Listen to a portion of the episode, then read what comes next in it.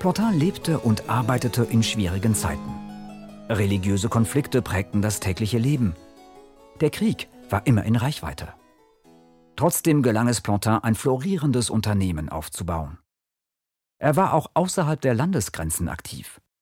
Plantin hatte Verkaufsstellen in Paris und Frankfurt und betrieb sogar eine zweite Druckerei in Leiden. Plantin war aber nicht nur Drucker und Verleger, sondern verkaufte auch Karten, Kupferstiche und Globen.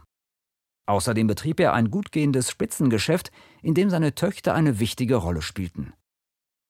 Diese Geschäfte brachten das Geld ein, das er für seinen Verlag benötigte. Plantins Geschichte war von Erfolgen und Fehlschlägen geprägt, der Mann ließ sich aber nicht so schnell unterkriegen. Nach Problemen mit den stattlichen Behörden wurde Plantins gesamter Besitz einmal öffentlich versteigert.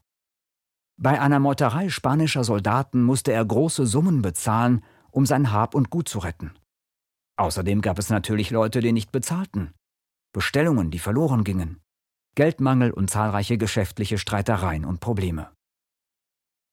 Plantins Motto lautete jedoch Mit intensiver Arbeit, Ausdauer und Geduld überwindet man alle Rückschläge.